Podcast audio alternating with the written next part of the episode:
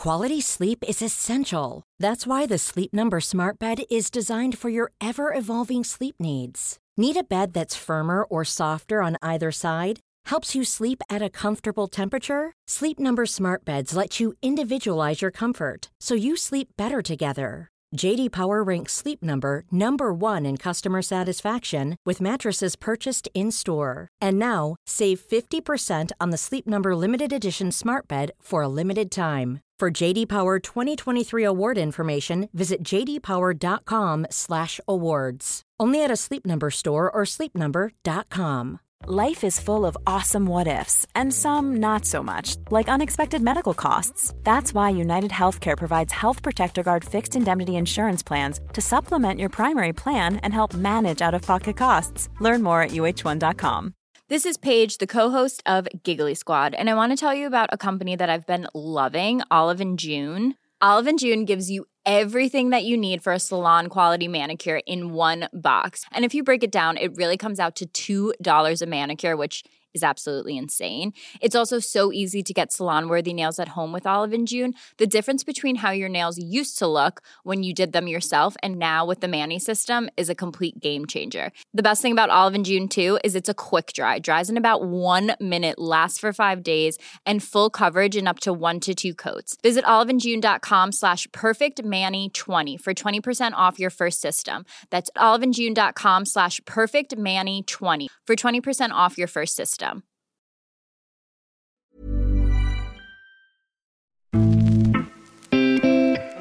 Torbjörn Nilsson får Guldbollen 1982 som andra blåvita spelare efter Gunnar Gren. Torbjörn spelade 28 landskamper, gjorde 9 mål. Han slutade spela fotboll 1986 för att bli krögare och sedermera tränare. Det är någonting ni måste träna på killar. Det är jättetråkigt om man kommer hit och några skiter i det. Kom igen nu tjejer, nu står ni och sover. Men jag har egentligen ingen aning om vad jag ger mig in i egentligen.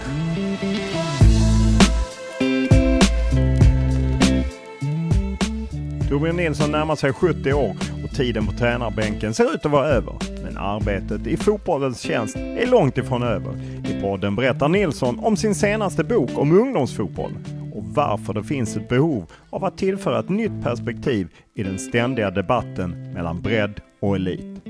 Det finns väldigt många tränare, ungdomstränare ute i landet som försöker uppfinna hjulet igen på något sätt och motbevisa forskningen. Vad, vad, säger forskningen? Det är ju den man ska gå på, vad, de som har kommit längst. Som spelare är Torbjörn Nilsson givetvis ihågkommen som en av Blåvitts främsta genom alla tider.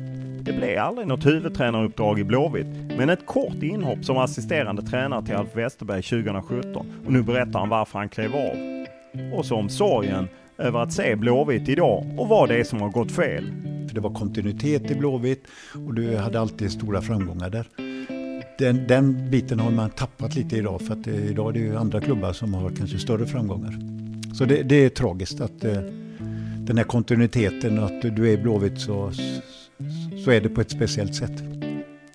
Vi talar naturligtvis även om relationen till Sven-Göran Svennis Eriksson och vad tränaren betytt för Torbjörn Nilssons spelar och ledarkarriär. Men även om problemen som uppstod när han försökte använda lärdomarna från tiden med Svennis under den egna karriären som tränare. Jag är väldigt glad för att ha upplevt honom som ledare. Eh, för jag försökte ju kopiera lite för mycket kanske, så jag, det, det, blev inte riktigt mig själv. Och, och, det tog ett tag innan man hittade sig själv som ledare faktiskt. Men eh, han har ju betytt oerhört mycket både som spelare och som ledare. Podden är naturligtvis mer än så här. Vi pratar om hur man ska göra för att få bukt med föräldrar som är för engagerade i sina barns idrotter. Om hur man bör agera som tränare för ungdomar hur viktigt det är att lära sig att förlora. Dessutom talar Nilsson om sin syn på vad det är som har gått fel för det svenska landslaget och den oväntade personliga förbundskaptensfavoriten. Men som vanligt inleder vi podden med en faktaruta.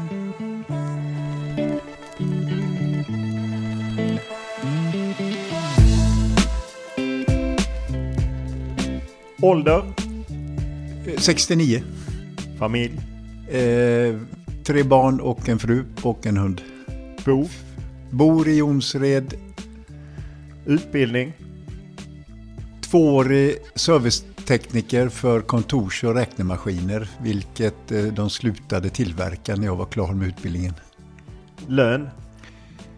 Eh, det är ju pension nu så att eh, den är kring ja, jag klarar mig på den i alla fall. Vad kör du? En Volvo. Vad läser du? Sista boken var en faktabok om eh, hantera klassrummet av en man som jag har glömt av vad han heter. Vad tittar du på? Eh, mestadels nyheterna. Vad lyssnar du på? Eh, det är min fru eh, som sätter på Spotify så jag får lyssna på vad hon... Eh, jag är Queen-nörd egentligen så att är jag själv så lyssnar jag på Queen. Vad spelar du på? Jag spelar ingenting. Vem är din favoritspelare genom tiderna och varför? Ove Kinnvall och Johan Cruyff får jag säga. Vilket är ditt favoritlag och varför? Ja, Tottenham Hotspur är det ju England. Ehm, och det, det beror på Martin Chives som spelade där på 60-talet. Jag såg honom och fick ja, lite feeling för laget. Vem är för dig världens bästa fotbollsspelare genom tiderna? Ehm, Messi eller Johan Cruyff. Vad är det finaste du vunnit? Det borde vara Guldbollen, men eh, jag får säga Lisebergsapplåden fick jag. Jag är den enda idrottsmannen som har fått det här. Eh, att göra Sverige gladare, eller om det är Göteborg gladare, vet jag inte. Vad klassar du som den största upplevelse du haft i, som på något sätt är kopplad till fotboll? Eh, det var att vara med i Argentina-VM. Jag var inte ordinarie då, men jag fick vara med och uppleva ett VM i alla fall. Det, det var stort. Vilken regel i fotboll hade du velat ändra på? Eh, att man tar bort eh, straffområdet som begränsning för straff. Utan eh, man kan döma straff eh, utanför straffområdet också beroende på hur, hur stor målchans det är. Vad var du bäst på i skolan om vi tar bort idrott och hälsa eller gymnastik som det hette på vår tid? Geografi. Vid vilka tillfällen ljuger du? När ingen annan drabbas av det. Men det, det, det händer att jag ljuger ibland. Eller kanske inte berättar hela sanningen, kanske är bättre att säga. Om du vill eh, lyxa till det, vad unnar du dig då? Eh, då köper jag tonfisk eller pilgrimsmusslor. Vad gör dig rädd? Eh, att det ska hända barn och barnbarn eller, eller familjen något. Du har ju varit fotbollsproffs, utlandsproffs för ett tag sedan. Rätt länge sedan får man väl ärligt säga. Men så många av dem som tjänar lite extra, de köper ju ibland lite grejer. Vilket köp ångrar du? Eh, några bilar som jag har köpt ångrar jag. Eh, bland annat alltså, jag köpte en Porsche när jag var proffs i PSV. För jag trodde att man var lycklig bara man hade en Porsche. När var du riktigt lycklig senast? Eh, det var nog eh, när jag och min fru satt här och åt en väldigt god middag. Och vi hade det väldigt trevligt.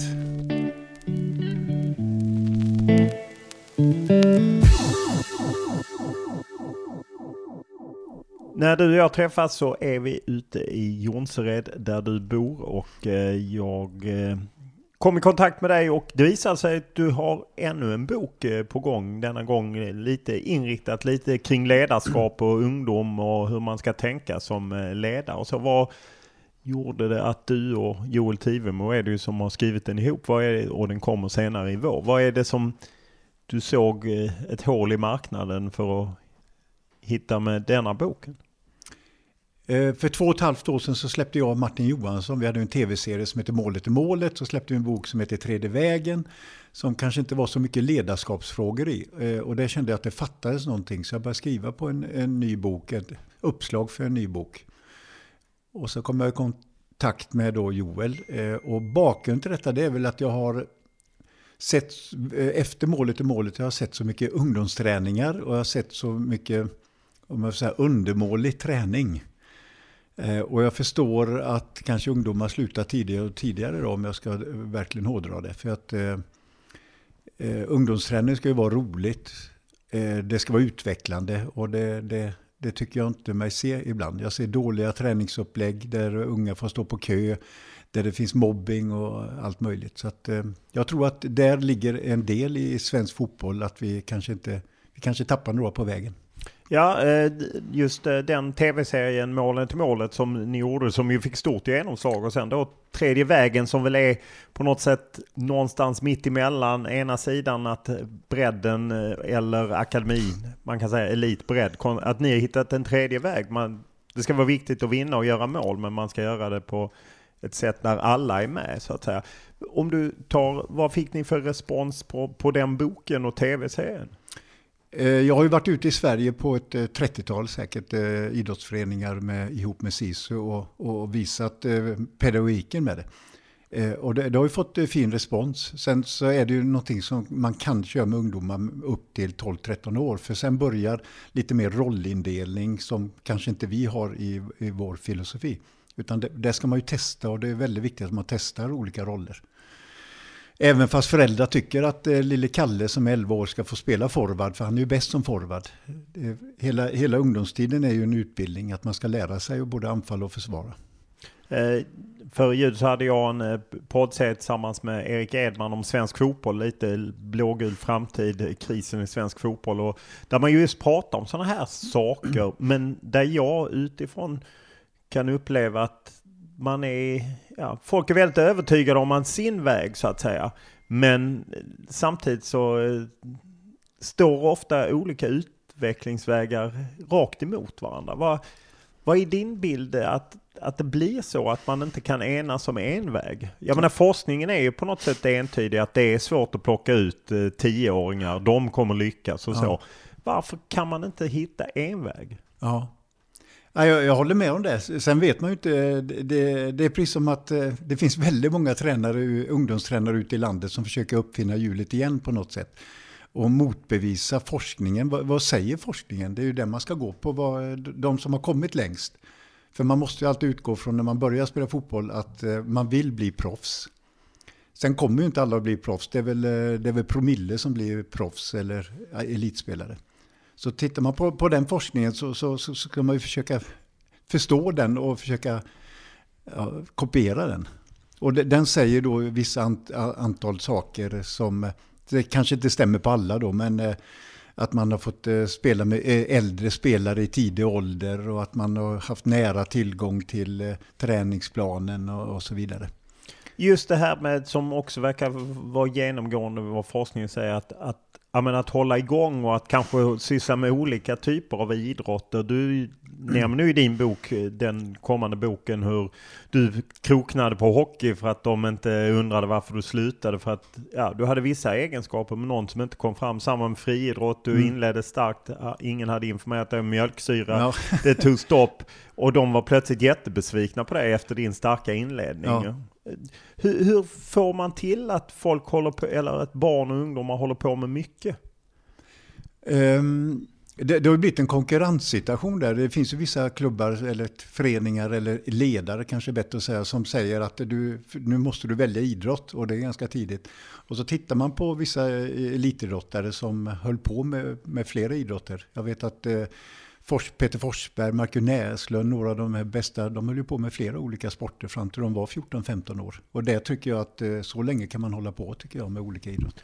Är det så att vi har ett annat samhälle idag än vad det var när Peter Forsberg kom fram i slutet på 80-talet, början på 90-talet? Att, att det kanske inte finns det utrymmet att man att vi eh, som samhälle på något sätt tvingar folk att specialisera sig tidigare. Mm. Så, så, är det väl och sen är det väl också väldigt många tränare som ser en, försöker se en egen karriär som tränare. De flesta är ju ungdomstränare, är ju föräldrar. Men det finns säkert unga som vill bli allsvenska tränare också. Så att de ser det som en karriärmöjlighet att träna ungdomar. När man läser boken så är, är det ju intressant att, att ta del av det är ju någon slags bild att man ska gå igenom kring individ eller hur man bygger en grupp och hur det fungerar och så. Hur mycket ansvar ligger till exempel på fotbollsförbundet eller på distrikten som är en del av fotbollsförbundet att faktiskt få ut det här? Eh, det är ju rätt basic på ett sätt med det här med grupp, hur den fungerar och de här fyra olika delarna. Mm. Men jag gissar att rätt få har koll på det. Ja, så kan det vara. Jag fick ju reda på det när jag var 57 år, så att, eh, jag förstår ju det. Um, den, den, ingår ju säkert i många ledarskapsutbildningar, men det, det är kanske inte alla som tar den till sig. Vad betyder den? Vad betyder den för mig? Så att, eh, det, det, gjorde jag när jag var 57 år, då tog jag den till mig. Hur mycket, om man är ungdomstränare, hur mycket ska man kunna fotboll? Hur mycket ska man kunna ledarskap och, och utmaningar som finns? Jag menar, du har ju ett, ett kapitel som är skrivet av din fru som är specialpedagog och ja. om just ja, men, olika människors sätt att ta in information, instruktioner och mm. liknande. Hur, hur ska man liksom ta till sig det när man är föräldratränare och man hastar dit från jobbet för mm. att uh, träna sina tjejer eller killar? Mm. Jo, ja, det, det, är en problematik där. Det, det är ju inte... Det är kanske så i vissa föreningar att det, det är den som har mest tid som får, ja, du, kan inte du ta det här? Och så kanske du inte har någon större ambition att uh, utbilda dig eller ta reda på saker utan du, du bara ser, eh, försöker se till så att de får, får träna och hålla igång. Och då, då kanske du gör det på olika nivåer. Ja, ja, precis. Men var ska man lägga liksom ansvaret? Är, är, det på, är det på föreningen eller är det på distriktet eller är det hela vägen upp till förbundet? Eh, förbundet, eh, jag vet att de åkte till Belgien för en massa år sedan när Belgien fick fram en massa, eh, väldigt många duktiga elitspelare. Så åkte man till och försökte kopiera. Men det man kopierade det var inte vad som hände på träningen. För det är det jag tror att det är den största orsaken till att man blir bra fotbollsspelare. Inte ledarskapet och hur träningen är. Eh, utan de kopierar ju att vi plötsligt skulle börja med fem, sju och nio manna. Nio manna stor och nio manna eh, eh, liten plan. Så att det var mera den eh, som låg på förbundet. Förbundet kan ju inte, eh, de kan ju inte kvalitetssäkra alla träningar i Sverige. Nej, och hur, men hur får man ut liksom kunskap om hur man bäst, så du slipper se ungdomar eller barn som står i kö och väntar och det är dåliga. Hur, hur kan man höja liksom nivån på träningarna? Ja, eh, och om jag säger så här, ibland åker jag till en livsmedelsaffär och så, så går jag till skärken där och så ser jag en som expedierar, så står det tre som eh, jobbar bakom med, med, olika saker som de kan göra sen och så står det 30 och väntar i kö. Eh, det finns också i fotbollen, de som inte ser logistiken i det. Du, du, måste ha en känsla för logistik, hur ska saker flyta och så vidare. Har du inte den så då blir det en fotbollsträning efter det. Du har ju som sagt en av dem som nådde hela vägen med utlandsproffs och landslag och vunnit stora grejer och sen även haft framgångar som, eh, som tränare. När du tittar tillbaka, vad är, vad är liksom de viktigaste lärdomarna som du hade velat ha med dig eh, i efterhand så att säga? Att, till exempel när du blev tränare. Vad hade du väl, velat veta då som mm. du vet nu? Um Eh, första året som tränare, eh, i, på, på, det var min moderklubb Jonsered, vi spelade i division 2 och division 1, eh, nuvarande division 1 då. Eh, så skäms jag ju lite idag hur jag bedrev träningen då. Men jag kanske gjorde någonting som var bra, för jag försökte kopiera lite av Sven-Göran Eriksson och Nils Bergham som jag har som stora förebilder som tränare. Så att eh, det, var, det var inte riktigt mig själv eller det som kom inifrån, utan det var mera Svennis och, och eh, Nils träningar som det byggde på. Som, och, som var väldigt effektiva måste jag säga. Och Nils är en, en tränare du hade i Jonsered innan du kom till IFK Göteborg och slog igenom helt enkelt. Sven-Göran ja. Eriksson vet ju de flesta vem det är, men ja. Nils gissar att de flesta kanske inte vet vem det är. Så att säga. Nej, men... han, han var två år i IFK Göteborg ja. också. Ja. Under storhetstiden där när vi spelade champagnefotboll här som det kallades. Ja, ja, okay. Om man tittar på, när jag läser boken så liksom pratar du ju om det här att, att man ska vara äkta och hur man ska liksom ha relation med med sina spelare och försöka hela tiden göra tid för att faktiskt ha samtal med dem och mm. även eh, undrar de något ska de ha svar inom 24 timmar och liknande. Hur, hur, är det inte det väl hårda krav om man är en ungdomsledare att man ska kunna ha, hantera det? Ja, jo, jo, jag, jag, jag, man, man kan ju ha det som en ambition mm. i alla fall. Eh, vad, vad, jag vill säga med det, det är att eh, varför jag skrivit det, eller jag och Joel har skrivit det, det är för att eh, när jag spelade hockeyn så, så, kände jag att ledaren gillade inte mig. Han, han eh, gjorde sina val utifrån hur bra hockey, i hockey vi var. Så han gillade de som var bra hockeyspelare, de som var mindre bra, de gillade han inte oavsett vad det var för personligheter. Och det är det som man inte ska drabbas av som barn. Tycker jag. Och det är därför vi har skrivit det. Att, eh, och sen kan man väl ha vissa riktlinjer. Sen kanske och leva upp till dem kan ju vara svårt. För det, det är nästan ett halvtidsjobb idag att vara P10-tränare. Du är ju väldigt mycket inne på att, eh, och framförallt de yngre, ska, det ska vara lek, det ska vara roligt, det ska vara mycket spel, det ska inte vara liksom för mycket teori och liknande. Vad, vad är det man vill åstadkomma med det? Eh, högt tempo. Eh, att man, man, man, den här beskrivningen att man flyger mot Stockholm, att man, man ska inte fastna, utan vara var på väg mot Stockholm.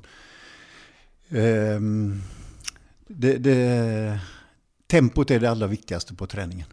Varför är det viktigt att betona lek? Många tycker att idrott är väldigt allvarligt och att det vinner matcher och så. Mm. Le leken är ju, jag, jag såg något klipp på Ronaldinho här för, för ett par dagar sedan och jag ser ju, han leker ju när han spelar fotboll, det gör ju Messi också. De leker, lek är ett, ett sinnestillstånd. Det, det, eh, om vi tar lek kurragömma så är det ju ingen som går och gömmer sig och ingen går och letar. Det är ju tävlingsmoment i kurragömma också. Så tävlingsmomentet ska vara, men det ska uppfattas som lek, för det är då man använder musklerna i alla lägen. Du poängterar också att det här med att man inte ska ha hierarkier, att den som är närmast inkast ska ta ett inkast, eh, den som är närmast en frispark ska ta en frispark för att det inte ska bli att personen X eller personen Y alltid tar inkast. Varför är det viktigt? Um... Därför jag, eh, jag tror jag upplevt det att eh, vi hade några i, i puttelaget som det hette då. Som de, de försökte då dölja sin stor, bristande fotbollskunskap med att vara, Ehm, visa sin makt istället. Och det, det gjorde ju eh, att de, man tryckte bort dem som, var, som, som kunde blivit någonting eller som eh, som inte, det, det, är lätt att inte tro på sig själv om du har andra som trycker bort dig. Jag ska ta inkastet, som, som är oviktigt egentligen. Eh, också intressant tycker jag, för att det man har hört, jag menar, å ena sidan finns ju toppningen inom fotbollen och alltid en diskussion och så på något sätt har ju nivåindelningen kommit som en slags lösning på det att eh, ja, men lag B går och mm. tränar där och lag A tränar här och ja. så tränar man med dem. Du är ju inne på liksom någonting annat att vi ska ha, de spelar man har, de ska man ha, alla ska spela lika mycket och så ska man istället flytta runt i laget snarare än att man ska nivåindela. Varför är det inte bra att nivåindela? Eh, därför det lätt leder till grupperingar, det leder lätt till att, eh, eh, att barn slutar tror jag. Eh, och sen så tror jag också att eh, vi utvecklas olika och sen så har man olika kompetenser. Om vi tar Glenn Hysén till exempel som jag såg uttala sig i eh, Expressen här, vad Svennis hade sagt till honom i eh, första träningen, eller bland de första träningarna. Glenn, du ska inte dribbla eller passa eller göra någonting. Du ska bara få bort bollen och glidtackla och kämpa. Det är din grej. Gör det till 100 procent. Och så, så måste ett litet lag bestå av. Det, det, handlar inte om att alla ska vara bra passningsspelare utan man måste komplettera med olika motorer i laget och så vidare. Ja, och du har ju Glenn Hysén också i, i, som ett exempel i boken att han är egentligen på väg att lämna mm. IFK Göteborg för att mm. tränaren då tror inte på honom. Men Sven-Göran Eriksson kommer in och då visar ju sig att han hittade nyckeln och gjorde honom, jag menar, sen hade ju Glenn Hysén en rätt hyfsad karriär efter tiden ja. i IFK Göteborg. Ja. Eh, är, man liksom dåliga på det även i ungdomsfotbollen? Att liksom kunna bygga upp vissa saker? Att, ska man redan då säga till, ja men du är bäst på att försvara? För det går ju lite emot det du säger att ja. man ska gå runt i roller. Jag vet. Det, det, det, blir lite motsägelsefullt på ett sätt. Men eh, det, det gäller ju att eh, försöka förstå att det är viktigt att testa olika roller. Eh, men vad jag vill säga med det, det är att eh, det, det, är lätt att föräldrar trycker på att eh, man måste nivåindela. För min son eller min dotter kan ju inte spela med någon om de inte får en passning tillbaks. Men, men Glenn Hysén kunde ju kanske tränat 300 timmar passning. Han blir inte bättre passningsspelare för det. Men han stod för någonting annat. Och så är ju det. Det är ungefär som ett schack. Man har ju inte 12 eller 16 stycken drottningar. Man har ju olika kvaliteter på de pjäserna och så är fotboll också. Eh, du nämner ju där eh, något man pratar om ofta i ungdomsidrott, föräldrar. Varför är det så svårt att få styr på föräldrar i ungdomsidrott? Det där hör man ju ständigt. Ja, jag vet. Och jag, jag, jag, ibland tror man, har de inte läst vissa föräldrar? Eh, de föräldrar som är lite för aktiva med sina barn, det, det brukar inte bli en bra karriär för de barnen. Det, det säger forskningen i alla fall. Hur ska man som ungdomsledare hantera en grupp föräldrar? Eh, vi har gett tips i boken om eh, det finns en 6-7 eh, olika saker man kan ge vinstmotiv till föräldrar att släppa sina barn lite mer. Låt dem få träna själva, låt dem få spela själva. Så kan man vad, ge dem tipsen så, så kanske man kan få, försöka få dem att förstå. Vad är vinstmotivet för föräldrarna att de ska släppa sitt barn? De tror ju att de ser det här bättre än vad tränaren gör. Ja, jag vet. Eh, att barnet får en roligare upplevelse med sin idrott. Att de är där för sin egen skull. Det tror jag är grunden. Och det, det säger ju all forskning också. Alla, alla elitspelare idag eller elitidrottare, de har, de har upplevt en kravfylld, eller icke kravfylld miljö från föräldrar. Eh, jag tycker också det är intressant att ta del av det här att vara kreativ och hur ska man bli kreativ mm. och att just att, att tillåta misslyckanden, att tillåta eh, det. Hur, hur får man en sån miljö som tillåter det i, där vi ofta är ute efter resultat? Mm. Alltså man kan ju fråga sig hur kan eh, Ronaldinho då eller Messi vara så kreativa? Hur, hur blev de så? Och det ska man ju försöka ta lärdom om. Sen, sen är ju, det har ju vi beskrivit i boken också, att eh, kreativ det är, det är ju inte att man dribblar till man tappar bollen som en del tror. Vad är kreativ då? Eh, det är att kunna, om man går på, på Wikipedia så, så är det ju att eh, kreativitet ger ofta ett resultat. Och, och, det måste det göra, för att du kan inte vara kreativ och det inte leder till någonting. Då blir du ifrågasatt. Det blir du på en fotbollsplan, det blir du på en eh, arbetsplats. Eh, du skriver även om att man måste lära sig att förlora. Då undrar jag varför ska man lära sig att förlora? Är det inte precis tvärtom att man ska hata att förlora? Jo, man gör det tills matchen är över. Jag, jag, vet att eh, jag hade nog 24 timmar när jag spelade fotboll. När jag var tränare så, mm, så var det lite kortare. Men man, man, man bör nog ha ett alla, alla har ju olika förhållningssätt. Jag kommer ihåg när jag tränade eh, Kopparberg-Göteborg, nuvarande Häcken, så, så fick jag en chock när vi åkte. Vi hade spelat en bortamatch med Kopparberg, hade en lång eh, bussresa hem. Och så sitter vi och alla är jätteglada, vi har vunnit här en bortamatch. Men det sitter två stycken och surar och är, vägrar att prata med de andra. Och det visade sig att det var två reserver som fick alldeles för kort speltid. Och, och så kan man ju inte ha det i en buss, det går ju inte. Eh, går inte det? Nej, alltså du måste ju bita ihop för, mot de andra. De andra kan ju inte glädjas om du ser att två sitter och sura för att de inte fick spela. Det, det måste ju vara inombords på något sätt. Hur, hur kan man som ledare få liksom, ja, ungdomar eller barn att, att lära sig det? Att, att i gruppen så måste vi på något sätt signalera. Det man är, eller det man signalerar påverkar de andra. Hur, mm. hur lär man ut det? Ja, Eh, ja, vi, vi, har ju olika sorgarbete med, med allting här i livet och förlust är ju en sorg.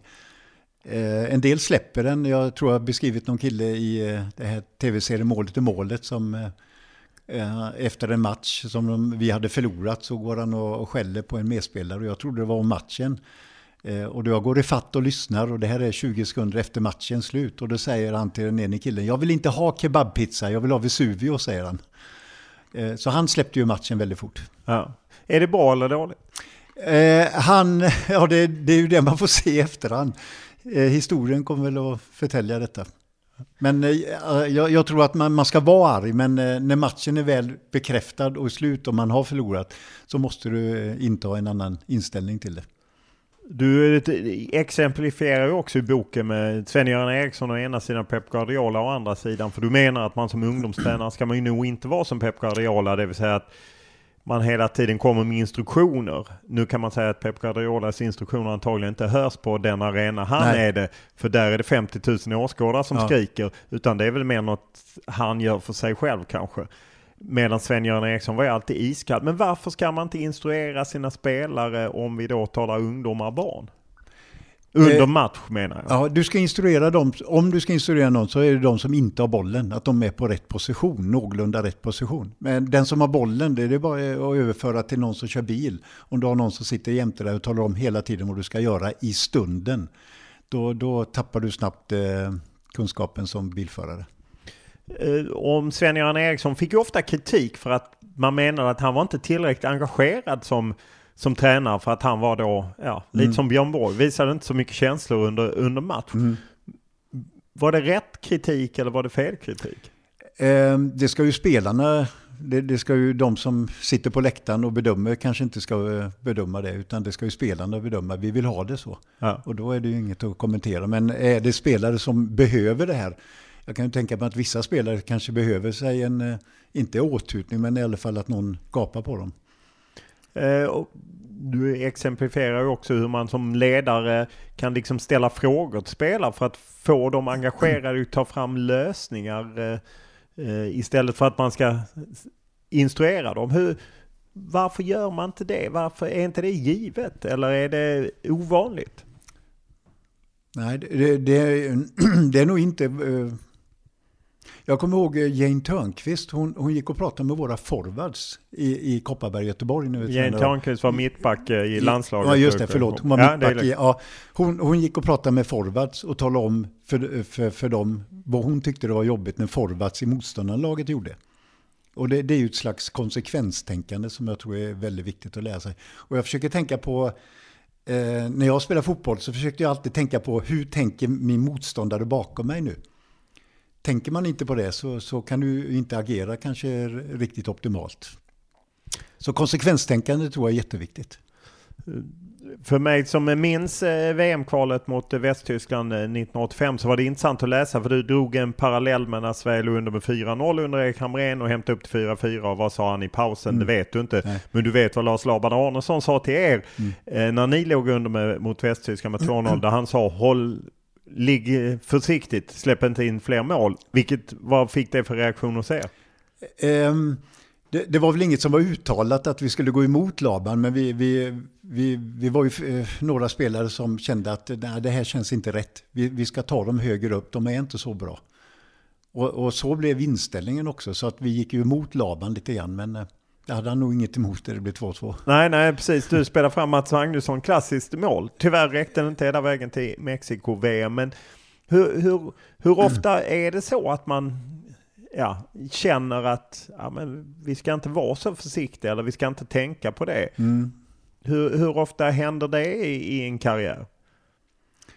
Ehm, Jag har ju haft olika tränare. Sven-Göran Eriksson sa alltid någonting eh, organisationsmässigt i halvlek.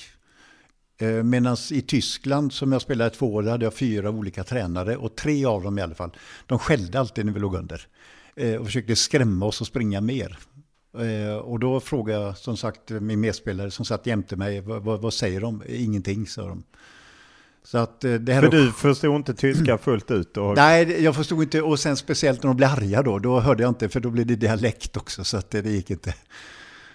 Ni skriver ju om det boken det här att det är väldigt viktigt att inte peka ut några syndabockar eh, och, och liksom inte gå efter domare som, som ledare och så. Hur, varför är det viktigt? Det, är väl- det är väl viktigt för, eh, för, för, för hela imagen för fotboll. Alltså jag, jag, jag är jätteirriterad idag på alla fotbollsspelare som slänger sig och filmar. Bara imagen kring, fotboll eh, tycker jag har, tappat lite på grund av detta. Så det, det, det är ju många aspekter i det här att fotbollen får en image. Eh, Och det är utomstående som betalar eh, lönerna i, i- princip till, de här. Men det, vad, vad vinner man som ledare genom att inte... För om Kalle har gjort en miss så vill man väl kanske gå åt honom i omklädningsrummet, eller? Ja, ehm, eh, nu, nu kan vi prata ungdomsnivå eller om vi pratar elitnivå. vi pratar ja. ungdomsnivå. Ja, ungdoms- För denna boken vänder sig ändå till ungdomsledare Ja. och så. Varför ska man inte då liksom gå på Kalle i pausen? Men Kanske inte offentligt, så att alla hör, utan det är det kanske bättre att prata med Kalle i, i, på vägen in eller vid sidan om på, på något sätt. Det, det, det är ju våran filosofi, sen finns det säkert sådana som eh, häver ur sig allting. Så att, eh, Men eh, enligt vad du, liksom dina erfarenheter och det du har lärt dig, vad är det man vinner av att inte göra så som eh, kanske man gjorde i, på elitnivå? Eller det som man mer pratar om, old school-tränaren, hårtork alla Sir Alex Ferguson. ja. Eh, ja, man går väl kanske ifrån det även eh, i, på elitnivå. Vad, är, vad är det man vinner av att inte skälla? Eh, ja, det, det, är en väldigt intressant fråga och den är nog svår att svara på för den, varje situation är unik. Ehm, jag, jag försöker tänka, om jag själv satt där och jag vet att jag har gjort ett fel, så vet alla att jag har gjort ett fel. Om jag har slått en fel passning som har blivit ett mots, motståndare har gjort mål. Ehm, men eh, jag kan ju hålla med, är det, är det så här att spelaren är omedveten om det för den har fel självbild, så då kanske det är inte fel att, att ta upp det, att man hittar en syndabock. Men eh, generellt sett så tror jag inte man, man ska leta syndabockar. Man ska ju lägga lite skuld på sig själv som tränare också. Om man som ungdomsledare och man har ett gäng spelare, 16-20 stycken och alla har olika, ja, hur länge de orkar hålla koncentrationen mm. och hur de tar till sig information. Hur ska man bäst göra för att liksom identifiera, så här funkar de här personerna i den här gruppen, så här, vad behöver jag göra? Hur ska man agera då? Mm. Um, har du ett elitlag så vet du att alltid det kommer, du vet vilka som kommer, hur många som kommer, men ungdomslag så, så eh, är det kanske lite svårare, du får göra det bästa av situationen. Eh, för några kanske är borta två träningar för de håller på med en annan idrott och så vidare. Så det är, det är lite svårare att få kollektivitism eh, i, i ungdomsidrotten. Att eh, försöka skapa någonting eh, och försöka lära känna spelarna. Sen tror jag att eh, barn är ju kanske inte riktigt färdigutvecklade heller och det är lite svårare att få kontakt med dem. Ja, och hur gör man då för att liksom mm. nå fram så att säga? Vad använder du för trick eh, som beskrivs i boken eh, kring eh, att skriva tider och liknande för att alla skulle förstå? Um, jag, jag, jag, försöker tänka som eh, de ungdomsträningar jag har haft så försöker jag alltid eh, tänka på den här, vi, vi ska framåt. Eh, och det som jag inte accepterar det, det, det, är folk som går in i offerroll och sådana här saker. Det försöker man skapa regler till. Eh, sen, sen, så får man ju, hur, man, hur de är som privat, det får man ju försöka ta innan och, och efter träningen. Men träningen, då måste det vara fokus på träning. Jag, jag såg, jag såg eh, mm, Marcus Samuelsson, den berömde stjärnkocken. Han, han berättade hur han kom till en, eh, en gymnasieskola för att bli kock. Och han sa, här kan inte jag vara kvar för här leker de. De slängde, eller inte leker, de tramsade sa han. De slänger ju grejer på varandra. Så att, eh, han, han var ju där för att lära sig medan de andra var inte där för att lära sig. Och det tror jag är jätteviktigt. Att du måste försöka få alla att vilja bli bättre. Ja, och vi växlar mellan ungdom och elit, men du har ju ett exempel där med Kopparberg tror jag, när eh, du liksom säger väl i, i samband med en träning eller efter en träning att ser ni hur fint gräset är klippt och hur ja. fina linjerna är målade. Eh, tänk om de som gjorde det här var lika okoncentrerade som ni är på mm. träningen. Mm. Vad fick det för reaktion? Eh, det fick en 20-30% bättre koncentration bland tjejerna. Hur... Eh, är det liksom en svår väg när man ska liksom... På något sätt är ju det som att man ändå pekar ut förvisso ett kollektiv men ändå att ja, ni måste skärpa er. Mm. För ibland, det kan ju vara svårt att sätta gränser. Det är ibland idag med unga och barn att det inte alltid uppskattas när det sätts gränser. Nej. Det, det, vi, det, det jag gjorde där, det var ju, jag satte en gräns men jag gjorde det med konsekvenstänkande. Och det, det, det tror jag är jätteviktigt att vi alla som jobbar med ungdomar lär ungdomar konsekvenstänkande. För att förstå och för att kunna utvecklas. Vem hoppas ni nå med boken? Alla breddföreningar som har tränare som eh, vill försöka läsa och se och reflektera över sitt ledarskap och kanske hitta tips för att kunna bli bättre.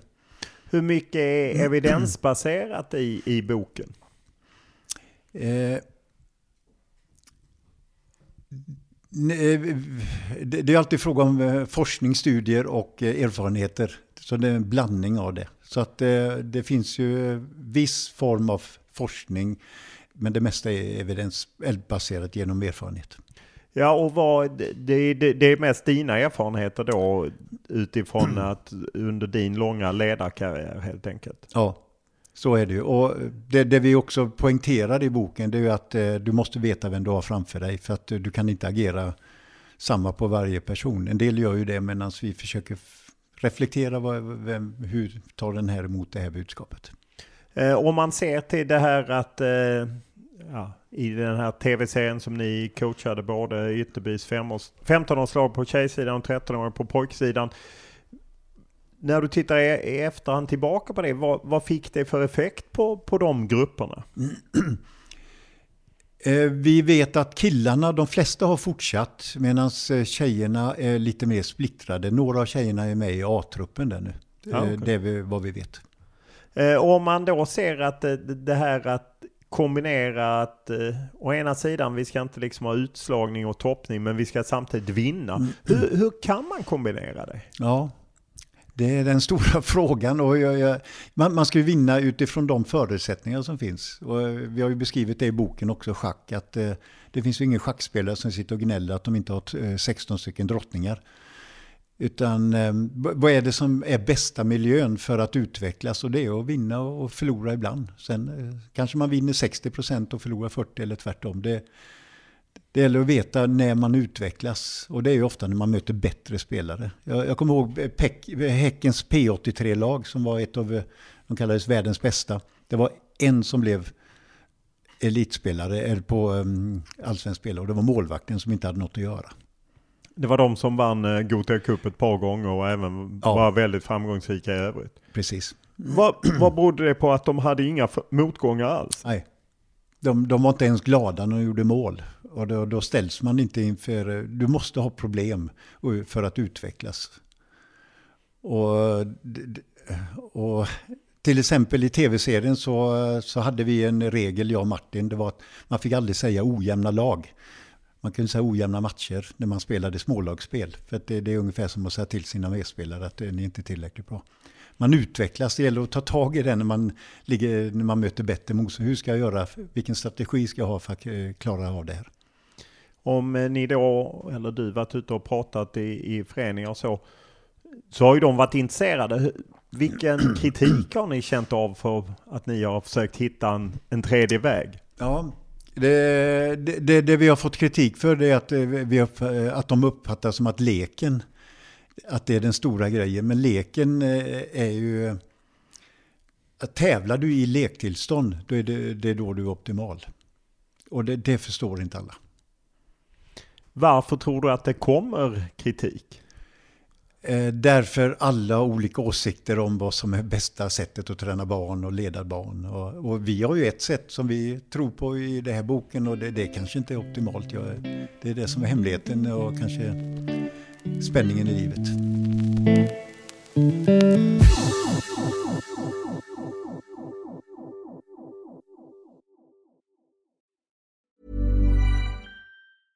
Many of us have those stubborn pounds that seem impossible to lose, no matter how good we eat or how hard we work out. My solution is PlushCare. PlushCare is a leading telehealth provider with doctors who are there for you day and night to partner with you in your weight loss journey. They can prescribe FDA-approved weight loss medications like Wagovi and Zepbound for those who qualify. Plus, they accept most insurance plans. To get started, visit plushcare.com slash weight loss. That's plushcare.com slash weight loss. Quality sleep is essential. That's why the Sleep Number Smart Bed is designed for your ever-evolving sleep needs. Need a bed that's firmer or softer on either side? Helps you sleep at a comfortable temperature? Sleep Number Smart Beds let you individualize your comfort so you sleep better together. JD Power ranks Sleep Number number 1 in customer satisfaction with mattresses purchased in-store. And now, save 50% on the Sleep Number limited edition Smart Bed for a limited time. For JD Power 2023 award information, visit jdpower.com/awards. Only at a Sleep Number store or sleepnumber.com. A lot can happen in 3 years. Like a chatbot may be your new best friend. But what won't change? Needing health insurance. United Healthcare tri-term medical plans underwritten by Golden Rule Insurance Company offer flexible, budget-friendly coverage that lasts nearly 3 years in some states. Learn more at uh1.com.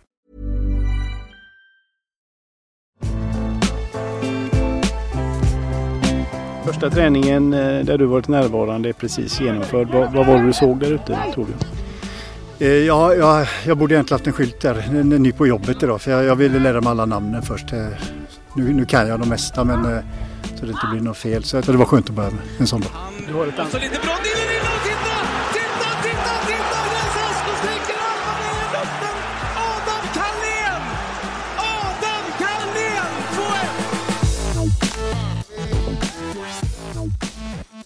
Du har ju en lång eh, tränarkarriär eh, men eh, när jag träffade dig eh, senast så då hade du varit anfallstränare i Utsiktens BK, det var hösten 2015. Sen gjorde du ett inhopp i, i Blåvitt, eh, en kort sväng och sen mm. ingenting. Hur mycket saknar du fotboll?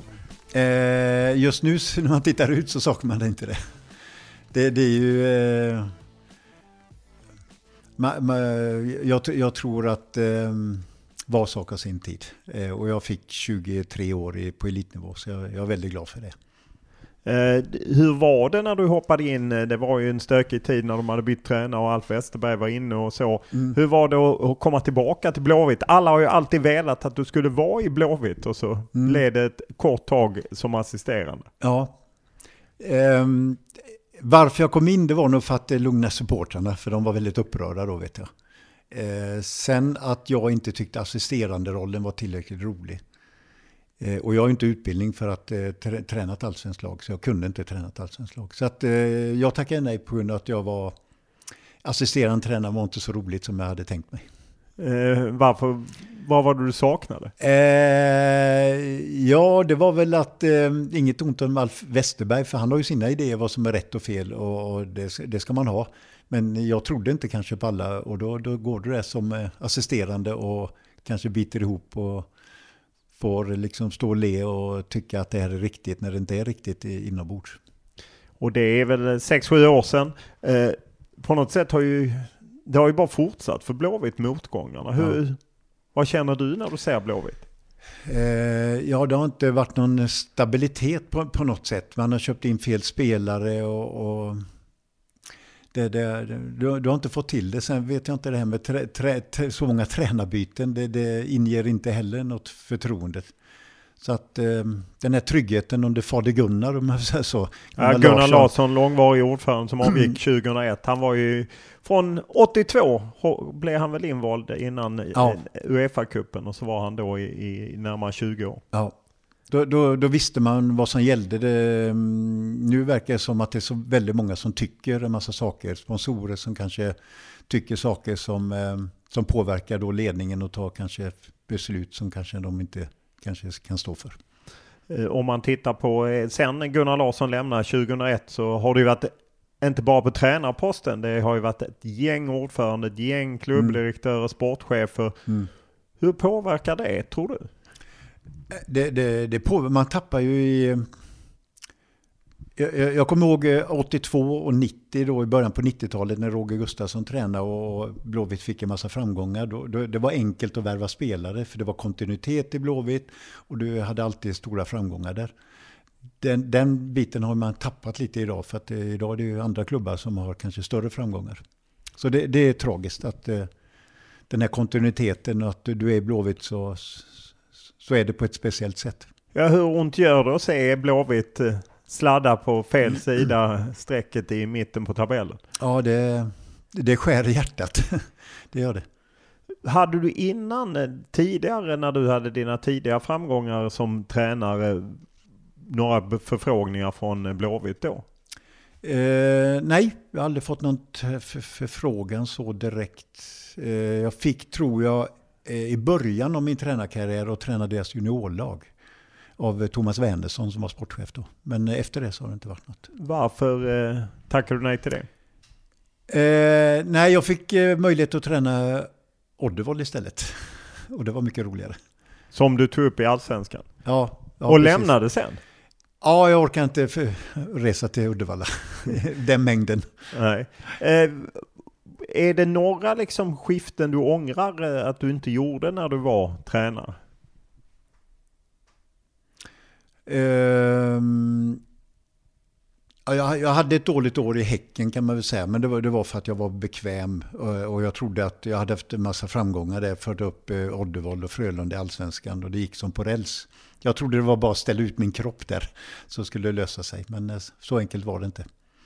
Utan jag kom till ett ganska besvärligt gäng eh, utifrån eh, spelarsynvinkel. Jag tog, jag tog inte tag i det riktigt. Hur var det att uppleva motgång plötsligt? Ja, det var, eh, det, det var lite jobbigt. Eh, att ligga och sladdra i slutet på tabellen. Eh, som jag inte hade gjort då på ett tag. Eh, och jag, jag, är inte bra på det att hantera motgång riktigt. Jag vet inte riktigt hur jag ska agera. Är, är det skillnad på att vara tränare när man är att ta hand om ett lag som ligger i nedre halvan eller någon som vinner och slåss? Är det skillnad? Ja, man, man, man, eh, man, kan nog säga mer rätt saker när man ligger dåligt till eh, eller man ligger bra till. Så jag, jag tror jag är bättre på att leda lag på, som ligger högre upp i tabellen. Och så, så. Sen i, från Häcken så tar du hand om u landslaget och eh, väldigt framgångsrik och, eh, men fick ju inte förlängt där eh, vet jag att du berättade senast du var med i ja, min podcast. Ja. Jo, jag fick ju förlängt men jag hade blivit assisterande och det hade blivit lite jobbigt. Och jag, jag kanske borde gått ut med det men jag gjorde inte det. Jag, nej. jag vet inte varför. Nej, nej, det är inget sånt. Men hur, jag menar om man då ser landslaget som också A-landslaget. Jag gissar att du följer det och gått tungt under Janne Andersson. Vad, mm.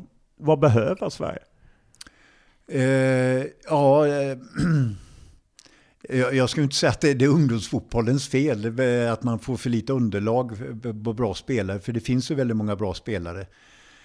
Ehm, eh, så, så, så jag, jag, jag, det är svårt, svårt att definiera det, för så, så mycket namnkunniga spelare som vi har i landslaget eh, idag, det, det var ju länge sedan vi hade det faktiskt. Framträdande roller i sina klubblag. Så att eh, det, det så jag, jag förstår en... inte egentligen problematiken. Fast har inte skiftet blivit att vi har väldigt offensiva spelare medan förr hade man ju ett gäng mittbackar och liknande att välja på. Idag är det ju någonting helt annat, mm. eller? Jo, så kan det vara. Du har fyra väldigt namnkunniga forwards och två kan bara spela. Så, så kan det vara. Um, sen, sen, vet, sen, vet, jag inte med, med samspelsproblematiken att den um, ett plus ett blir tre om man har ett bra, väldigt bra samspel. Uh, och jag kan inte bedöma det riktigt om uh, hur, hur Janne fick tag i det. Men det, det, det, är synd att lägga skuld på Janne för, för en, en, en A-tränare har inte väldigt många träningar och införa en spelstil som alla ska anamma. Och, utan man får lite tur som eh, förbundskapten.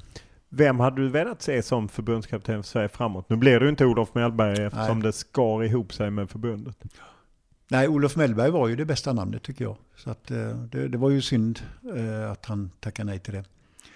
Eh, efter det så, så kanske det finns Tobias Lindroth, men han är ju i Varberg, i Varberg ja. mm. och ju egentligen inte varit på allsvensk nivå ens. Nej. Nej, men det behöver de inte vara. Alltså Sven-Göran Eriksson kom ju och, och, gjorde något unikt. Så att, har, har, du, har du liksom den känslan, du har varit där i omklädningsrummet, du vet vad som bör sägas, så, så, så tror jag att eh, erfarenheten betyder inte så mycket som ledare. Eh, Sven-Göran Eriksson skriver du mycket om i boken och när vi träffas är det ju samma dag som Sven-Göran Eriksson själv berättat om eh, sin eh, cancer. Vad, vad betydde han för dig som ledare? Um, jag är ju väldigt glad för att ha upplevt honom som ledare. För jag försökte kopiera lite för mycket kanske, så jag, det, det, blev inte riktigt mig själv. Och, och, det tog ett tag innan man hittade sig själv som ledare faktiskt. Men han har ju betytt oerhört mycket både som spelare och som ledare. Vad, vad, vad var det han hade som eh, kanske inte så många andra hade? Eh, han var där, han fanns, det fanns hans ande på något sätt. Du, du sprang för honom. Eh, allt vi gjorde, eh, gjorde vi för honom på, på något sätt. Och det, det, bevisar att man är en bra ledare. Eh, sen, sen gjorde han ju många saker som man i efterhand förstår när man läser boken IMGD-modellen de här fyra stegen så förstår jag, aha, han gjorde så. Jag, jag kommer ihåg till exempel, jag kommer fråga så här, eh, jag hade en travväst som skulle springa på Jägersro. Och då skulle vi möta Malmö FF på söndagen och detta var trav på lördagen. Och vi tränar fredagen, så jag frågade, kan jag få komma direkt till matchen på, på, på söndagen i Malmö? Ja visst, sa han. Eh, och det, normalt sett, de flesta ledare säger att man ska åka med bussen ihop till matchen och, och åka i bussen hem med laget. Men han släppte mig och det, det har jag förstått när man läser INBD-modellen att ibland kan du låta vissa individer som kanske anses som lite, inte diver, men stjärnor. Låt dem, släpp dem och låt deras frihet få flöda lite. Och det var ju vad han gjorde på mig där. Okej, okay, så du, du utnyttjade din stjärnstatus helt enkelt? Ja, jag, jag, gjorde ju inte det medvetet för jag ville ju bara åka, slippa åka från Malmö och hem till Göteborg för att åka med bussen ner till Malmö igen. Så det var mer av praktiska skäl jag tänkte så. Eh, hur eh, reagerade du när han fick alla de här framgångarna utomlands? För det är en sak att man kanske funkar i, i Sverige, mm. men att han jag menar, det finns ju ingen svensk tränare som har haft sådana framgångar som han hade. Hur reagerade du? Var du överraskad eller var, du, var det givet? Um, inte givet, men att han skulle få framgångar. Det, det, var jag nog ganska övertygad om. Sen, sen trodde jag då när han fick lite, en liten, ett bakslag där i Roma. Han kom väl till ett lag med massa stjärnor som inte ville spela som han tyckte. Eh, då, då såg man kanske en farhåga att nu kanske får flytta hem snart. Men han hamnade i Benfica igen och fick rättat upp karriären igen. Eh, var, för jag menar, du har ju själv varit öppen men när du flyttade till PSV då, då var du i och för sig ung. Men mm. ändå hur tufft det kan vara att komma ut och innan man har lärt sig det. Jag menar Svenning som kom från Degerfors väldigt ung och sen mm. IFK Göteborg. Sen ut i, i, i den tuffa världen i mm. Europa och ändå hade framgångar och rättade mm. upp trots motgångar. Vad, vad tror du han hade som gjorde att han klarade allt det? Eh, han, han är väldigt diplomatisk och han är väldigt smidig och han får alla med sig på något sätt. Eh, sen kan ju inte jag säga vad det är som gör att han får alla med sig. Men eh, jag, jag, tror ju att det är medinflytandet och att alla känner att de behövs på något sätt. Det, det är nog det han skapar först. Hur var han taktiskt? Var han skicklig där eller var han begränsad? Han, han, eh, till exempel om vi ledde mot Hamburg på bortaplan Eh, eh, i Uefa-cupfinalen så skulle han aldrig säga till en forward att gå ner och spela 50 med eh, försvarare för att bibehålla en ledning. Och det kan man ju säga så här, det var ju inte taktiskt. Jo, men det var taktiskt att inte göra någonting taktiskt. Utan han, han fick ju oss att tro på att vi kan, är man fyra så räcker det att vara fyra i, i backlinjen. Så att ibland vet man inte alltid det man anses vara taktiskt, det kan ju också vara otaktiskt. Eh, och man, om du ser hans avtryck i, i Blåvitt, det är ju stort så att säga, men vilket inflytande har han haft på svensk fotboll skulle du säga? Eh, tyvärr för lite. För att, eh, jag, jag, tycker att eh, förbundet missade honom eh, 81. Han kunde blivit förbundskapten då.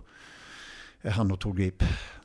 Eh, men då, då var ju Laban så att, eh, men det hade inte varit fel efter Laban att eh, ta Svennis och Tor Grip. Nej, och, och jag menar sen vet jag att du sökt också att man borde tagit honom efter Lagerbäck mm. när man ju hade diskussioner med honom och han var ju lite i Notts County då också men skulle göra både och enligt vad han själv säger. Ja. Eh, vad tror du han hade kunnat tillföra till ett svenskt landslag? Eh, nu, nu, nu gick vi ju till EM och VM tror jag ändå. Eh, Nej, inte efter. Jo, just det, det gjorde vi. gick till EM men brände VM ja, under ja, Hamrén. Mm. Eh, ja, om, om han har lyckats få 5-10% eh, höjning av kapaciteten, det vet jag inte. Men eh, för Erik gjorde ju bra i alla fall och fick, fick oss till många EM och VM. Ja, ja två EM, ja. inget VM. Nej, Sen fick han sluta. Och ja. aldrig vidare. Men, Nej, så, så kan det vara. Men vad tror du han hade, tror du han hade funkat efter att ha varit ute så länge i, och komma tillbaka i, i ett svenskt sammanhang för, förvisso med många utlandsproffs? Eh, det tror jag. Han, jag tror att eh, han hade ju så stort namn så att det, det är ju ingen som, eh, som försöker missbruka ett förtroende av Sven-Göran Eriksson. Det tror jag inte. Det, det, var väl lite käbbel kring det här med, med missbrukande av förtroende. Ja, ja, precis. Det var ju, Sverige hade ju en väldigt stor stjärna på den tiden ja. som spelare. Zlatan Ibrahimovic och kanske Erik Hamrén hade lite svårare. Ja. Hur tror du Svennis hade haft lättare att hantera det? Ja, jag tror att eh, status är väldigt viktigt. Och, och eh, Svennis hade ju en stjärnstatus. Den, den var ju kanske till och med större än Zlatans då. Så att eh, det tror jag.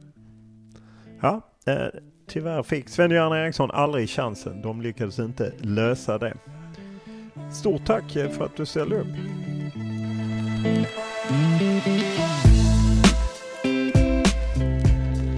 Podden är producerad av Jakob Nalerius och klippt av Daniel Eriksson. Och vi tar tacksamt emot alla synpunkter, önskemål, idéer, ja, vad det nu må vara. Enklast är att mejla mig olof.lund.tv4.se eller skriva till mig på Instagram eller X. Då är det Olof Lund som gäller i ett ord. Stort tack för den här veckan!